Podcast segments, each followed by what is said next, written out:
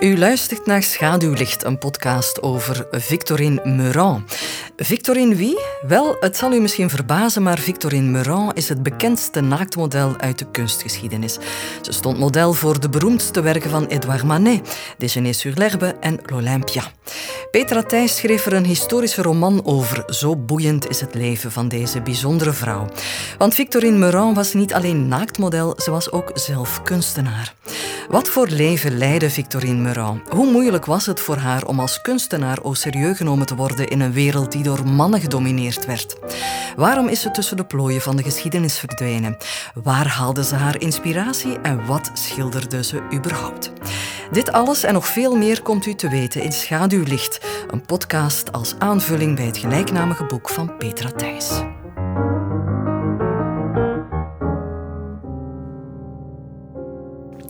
In aflevering 1 kijken we naar het heersende vrouwbeeld in de literatuur van de 19e eeuw. Er is veel over Victorine geschreven, maar weinig daarvan klopte. Ze paste namelijk niet in de stereotypen van de ideale 19e-eeuwse vrouw. Aan tafel Petra Thijs, auteur van Schaduwlicht, en Steffi van Este van de vakgroep Letterkunde aan de UGent. Petra, ik begin bij jou. Ehm, ik had het net over stereotypen. De ideale vrouw in de 19e eeuw, hoe moest die eruit zien? Wat waren zo de, de vereisten? Die vereisten waren heel nauwkeurig opgetekend in de Code Napoleon. Dat is eigenlijk een decreet dat Napoleon in 1804 heeft uitgevaardigd waarin de vrouw eigenlijk beroofd werd van haar juridische rechten. Ze werd eigenlijk een eeuwige minderjarige. Dus ze mocht niet uh, buitenshuis gaan zonder dat ze gechaperoneerd werd. Ze mocht ook niet een beroep gaan uitoefenen zonder dat haar man of haar vader het daarmee eens was. Ze mocht ook niet bijvoorbeeld haar inkomsten zelf houden, die moest ze afgeven. En dus uh, ja, in de 19e-eeuwse literatuur vind je die rollen eigenlijk ook terug. Dus uh, je hebt in de eerste plaats de rol van de goede echtgenote, die heel vaak voorkomt als je het over vrouwen hebt in de literatuur. De tweede rol die vaak voorkomt is die van muze, object van verering. Uh, onder andere in Luiver of het meesterwerk van Zola, waarover we het gaan hebben. En de derde rol die je ook wel eens zag, was die van de prostituee. Maar de rol die volledig ontbreekt, is de rol van de schilder. Ja, en, en dan komt Victorine Meurant, over wie we het moeten hebben, uh, een beetje in moeilijke papieren natuurlijk. Hè? Klopt. Zij oversteeg een aantal hokjes, wat maakte dat ze natuurlijk heel vaak verkeerd begrepen is. Bijvoorbeeld, ja, zij was te arm om een chaperonne te hebben, dus zij ging ongechaperoneerd naar buiten. Um, zij kwam ook in gure cafés, um, zoals Élysée Montmartre, waar ze eigenlijk gewoon niet geacht werd te komen. Ja, ze was openlijk biseksueel. Ze trad ook op in cafés en cabarets, zoals Le Hanton, Le Ramor, uh, waar er vooral vrouwen kwamen die op vrouwen vielen. Zo weten we dat ze waarschijnlijk biseksueel was. En ja, ze had last but not least, ze had dezelfde ambities als schilderes als een mannen. Dan kan je je natuurlijk wel voorstellen waarom zij zo vaak verkeerd geportretteerd is in de literatuur. Ja, mannen voelden zich bedreigd door haar? Um, Tabaran, de eerste biograaf van Manet, alleszins wel, denk ik. Um, zij paste alleszins niet in zijn plaatje van de ideale vrouw, zoals hij dat een aantal van zijn romans, zoals Virus d'amour, zal neerzetten. Als hij het heeft in zijn werken over Manet, over Victorine, zal het ook al als schilderes, zal hij het hebben over ziekelijke kleine schilderijtjes. Dus um, ja, hij keek zeker ook op haar neer als schilderes, vond ook dat dat haar rol niet was. Hij had ook heel veel problemen met haar biseksualiteit, want ja, hij heeft heel veel over haar geschreven, hè, Tabaran. Ja, maar, maar dus weinig dat klopte. Ja, hij heeft heel wat onzin over haar verteld. Hij heeft gezegd dat zij gestorven is als een, als een dronken prostituee, al heel jong, terwijl ze in werkelijkheid geleefd heeft tot haar 83ste. Dat ze erkend is door Société des Artistes Françaises en belangrijker nog, zij aan zij heeft geëxposeerd met Manet op de jaarlijkse schildersalon, ja, die zo'n 500.000 bezoekers per jaar trok. Dus wat toch wel iets zegt over haar verdiensten als haar echte verdiensten als schilderes eigenlijk. Ja, we, we hebben het de hele tijd, of jij hebt het de hele tijd, uh, Petra, over die Tabaran. Um, hij kan toch niet de enige geweest zijn die uh, dat soort macht had over hoe haar beeld de geschiedenis ingegaan is, of wel?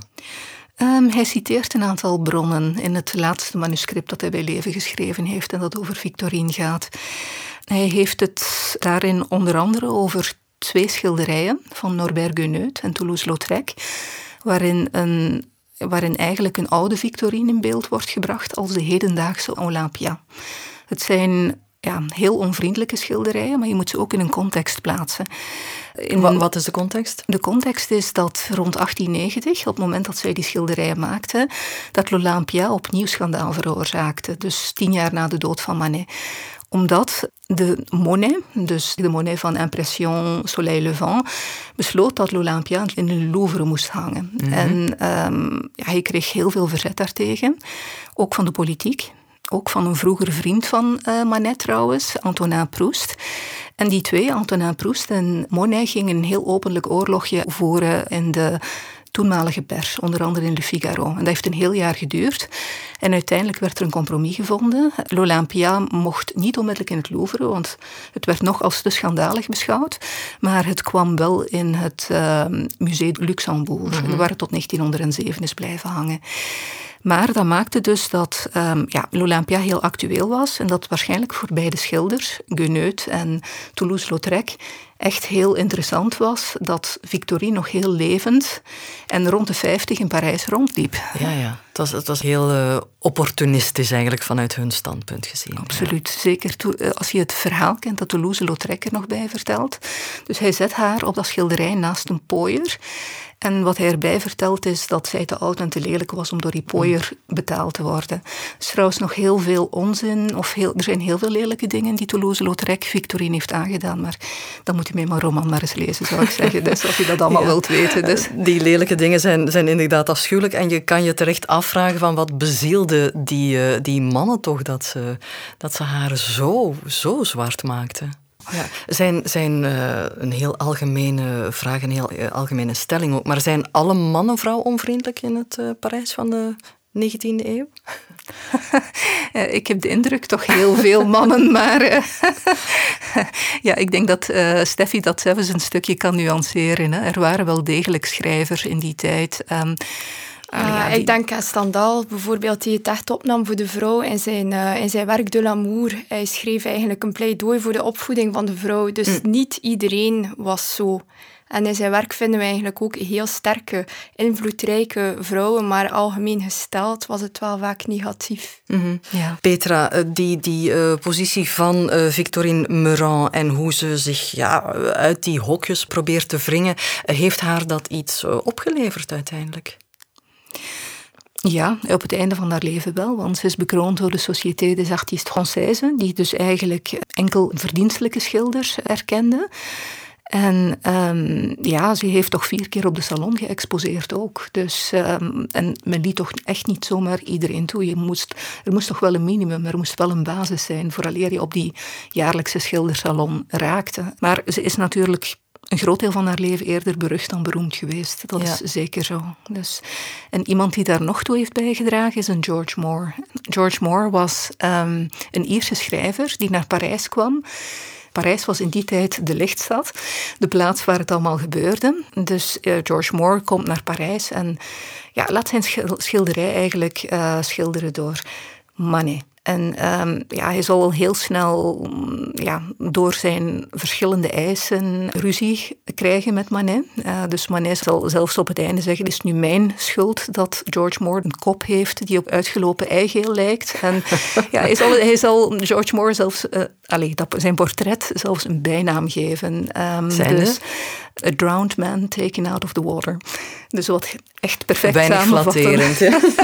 wat hij dacht over George Moore. Maar goed, dus die man komt terug in Ierland um, en die besluit van, ja, ik ga, ik ga mijn memoires schrijven over die tijd in Parijs. Want hij heeft ook nog andere impressionistische schilders gezien en geïnterviewd. Hij heeft grote ontmoetingen gehad en wil daarmee uitpakken. Absoluut. Dus rond 1888 gaat George Moore zijn memoires uitbrengen. Confession d'un jeune homme. Met de nodige overdrijvingen uiteraard. En ja, dat moet behoorlijk erg geweest zijn. In die mate zelfs dat een Zola George Moore bij hem thuis gaat sumoneren, als ik het zo mag zeggen. En tegen hem gaat zeggen van kijk, als je je memoires Confession d'un jeune homme noemt, wordt ook wel ergens verondersteld dat je de waarheid spreekt. Mm. Dus in die tijd stond hij in Parijs zeker al gebrandmerkt. Later zullen ook Les Frères Goncourt, eigenlijk het hele literaire wereldje, zich tegen George Moore keren. Ja, en, wat, wat schrijft hij dan precies over uh, Victorine Meurant? Wel, dat is ook een heel interessant verhaal. Um, dus hij gaat op een gegeven ogenblik een kort verhaal schrijven over het einde van Marie Pellegrin. Marie Pellegrin was een beetje een beruchte courtisane in die tijd. Maar hij heeft dat verhaal eigenlijk een beetje gepikt van een tijdgenoot. Die heet Paul Alexis, die onder dezelfde titel, vijf jaar daarvoor, een heel soortgelijk verhaal met bijna dezelfde bewoordingen het einde van die courtisane beschrijft. Victorine Meurant komt in dat verhaal van Paul Alexis niet in beeld. Hij heeft het gewoon over ja, een lesbische travestie, denk ik dat hij zegt. En George Moore neemt ook een naam in de mond, uh, of zo. Terwijl George Moore in de eerste versie van zijn verhaal, dat hij dus pikt van Paul Alexis, die courtisanen zelfs niet gaat benoemen. Hmm. Maar hij gaat dat verhaal meerdere keren herwerken en in 1906 beschrijft hij ineens een, relatie tussen Marie Pellegrin en Victorine Meurant out of the blue. Waar dat in de twee vorige versies van zijn eigen verhaal Victorine eigenlijk niet voorkomt. Waarom heeft hij dat waarschijnlijk gedaan?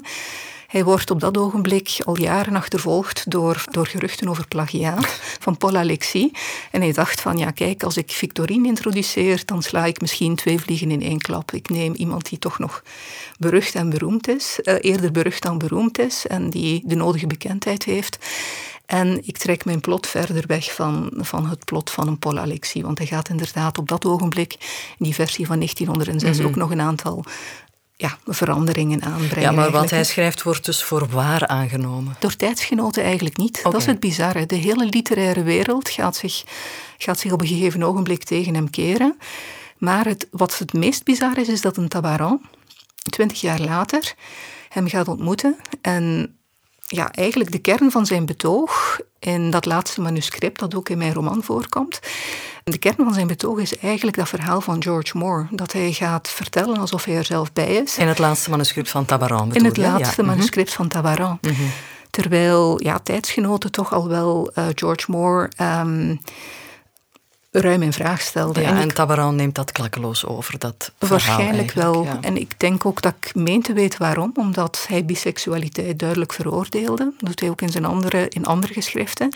En dat hij met dat verhaal van George Moore het excuus had om aan te tonen van kijk eens hoe verwerpelijk dat Victorine echt was. Ja, en zo gaat dat een eigen leven leiden en uh, het heeft Victorine dus uh, uh, niks opgeleverd in, in dat opzicht. Nee. maar goed, we hebben het de hele tijd over die Tabaran. Je had het weten aan het begin ook over Zola en er zijn nog andere schrijvers uit die tijd die, ja, die hun boekje te buiten gaan, zou ik durven zeggen, wat betreft kwaadschrijverij over de vrouw. Um, en misschien, Steffi van Esten, kom jij hier met een aantal voorbeelden nog van hoe het, uh, hoe het in andere boeken gebeurde. Wie wat schreef, dat is een beetje jouw specialisatie. Ja.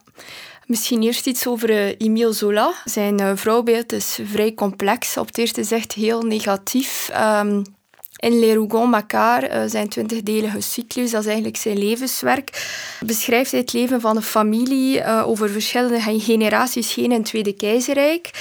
En het hoofd van die familiestamboom staat Adélaïde Fouque, dat is dus een vrouw. Uh, en zij trouwt met een zekere Rougon. Zij krijgt een zoon, uh, maar die Rougon sterft al snel. En uh, ze begint na diens dood een verhouding met Makar. En uit die verhouding ontstaan twee illegitieme kinderen. Die Adélaïde is een beetje de oermoeder van heel die familie, van heel die cyclus. en opmerkelijk is dat die heel negatief wordt geportretteerd. ze wordt afgebeeld als een nerveuze, onintelligente intelligente, luie mannenvreedster.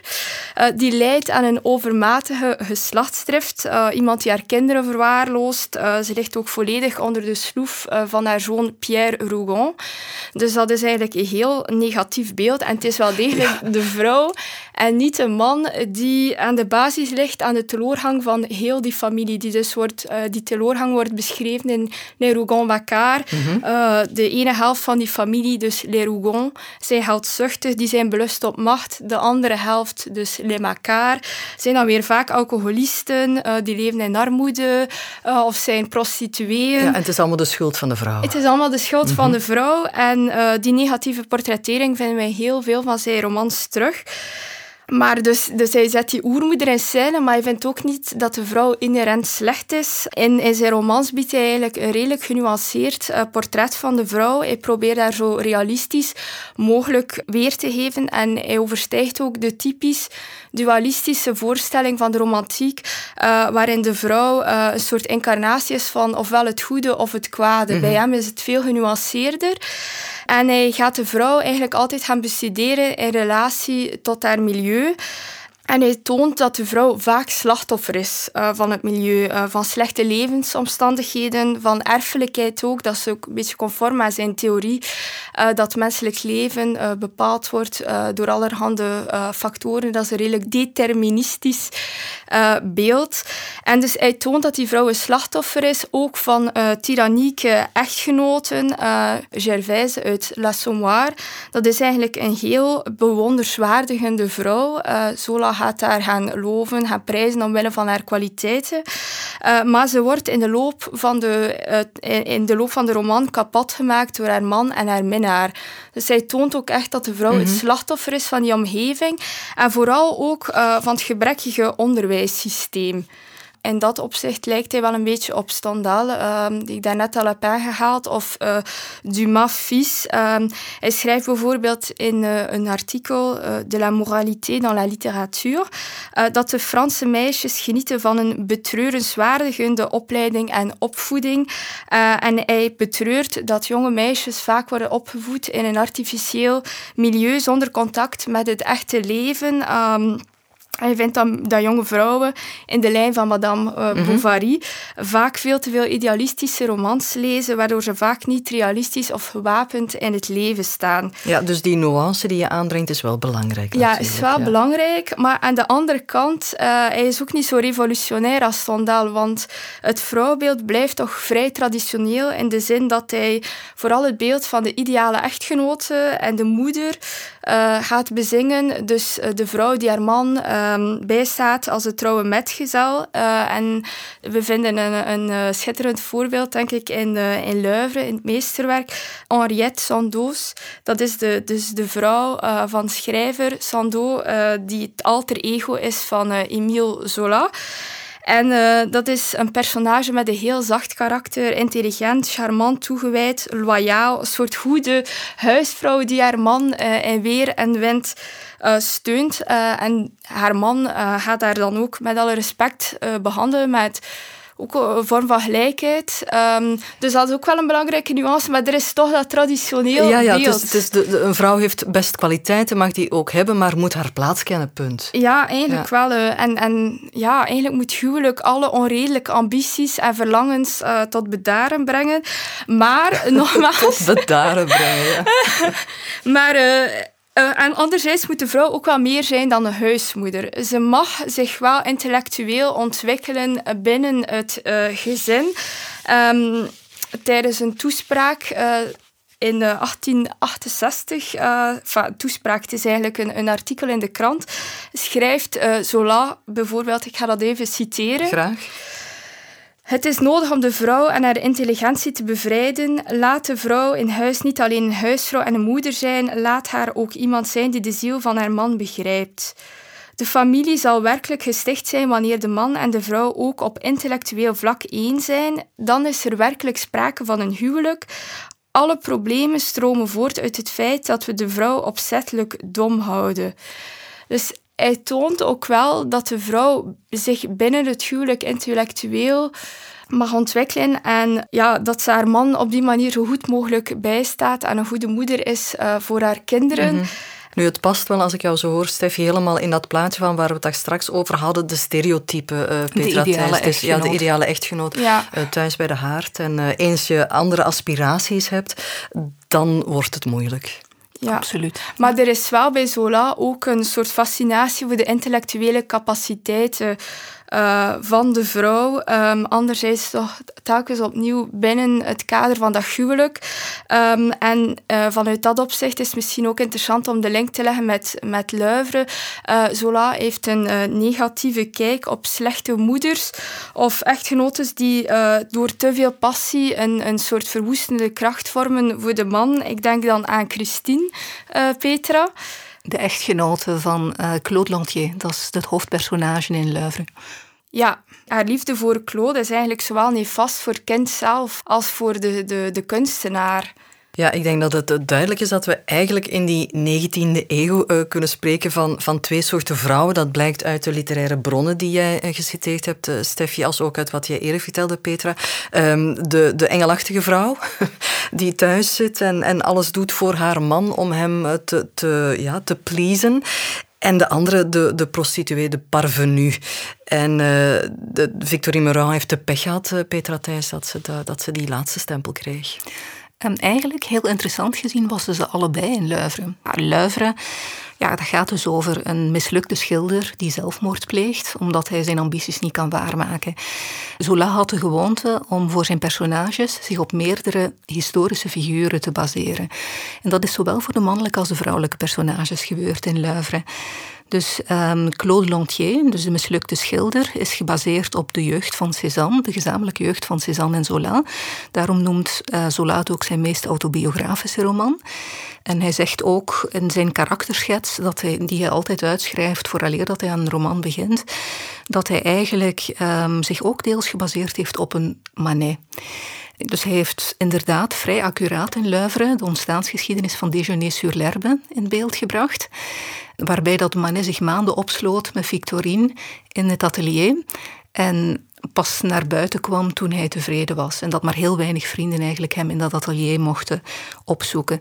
Dat is ook de reden dat, ja, dat men al heel snel, onderzoekers al heel snel gekeken hebben naar Victorine als mogelijke inspiratiebron natuurlijk voor Luivre of het meesterwerk. Ja, ja, veel meer dan gewoon het naaktmodel. Absoluut. Ja. En interessant om weten is ook dat er oorspronkelijk maar één vrouwelijk hoofdpersonage was. Dat um, Zola zelf omschreef als een putain amoureuse, die ook schildersmodel wordt. En die een beetje van hand tot hand gaat bij, in de vriendenkring. Um, dus heel flatterend. Nu, Zola zelf zal niet spreken van Victorine Meurant. Hij zal spreken van Valtesse de la Pigne. Um, wat eigenlijk een luxe courtisanne was in mhm. die tijd. Dus een, eh, die met meerdere mannen sliep. Die effectief, zoals in de roman ook met het personage Irma gebeurt, uh, die effectief ook een, zich een hotel laat schenken en dan goede sier maakt eigenlijk ten koste van die schilders met wie ze een beetje lacht eigenlijk op het einde van de mhm. roman. Um, dus, dus Victorine Meurant is twee vrouwen in één. Victorine Meurant is twee vrouwen in één. Want er zijn twee hoofdpersonages in, uh, in, in de uiteindelijke versie van Luivre. Christine, dus over wie we het zojuist al hadden gehad. De engelachtige echtgenoot, die ook model was. En daarom keek men, allee, heeft, hebben onderzoekers al heel snel parallellen getrokken tussen de fysiek, de, verschijning van, de fysieke verschijning van Victorine. En um, Christine, de gevoeligheid, de verfijning ook.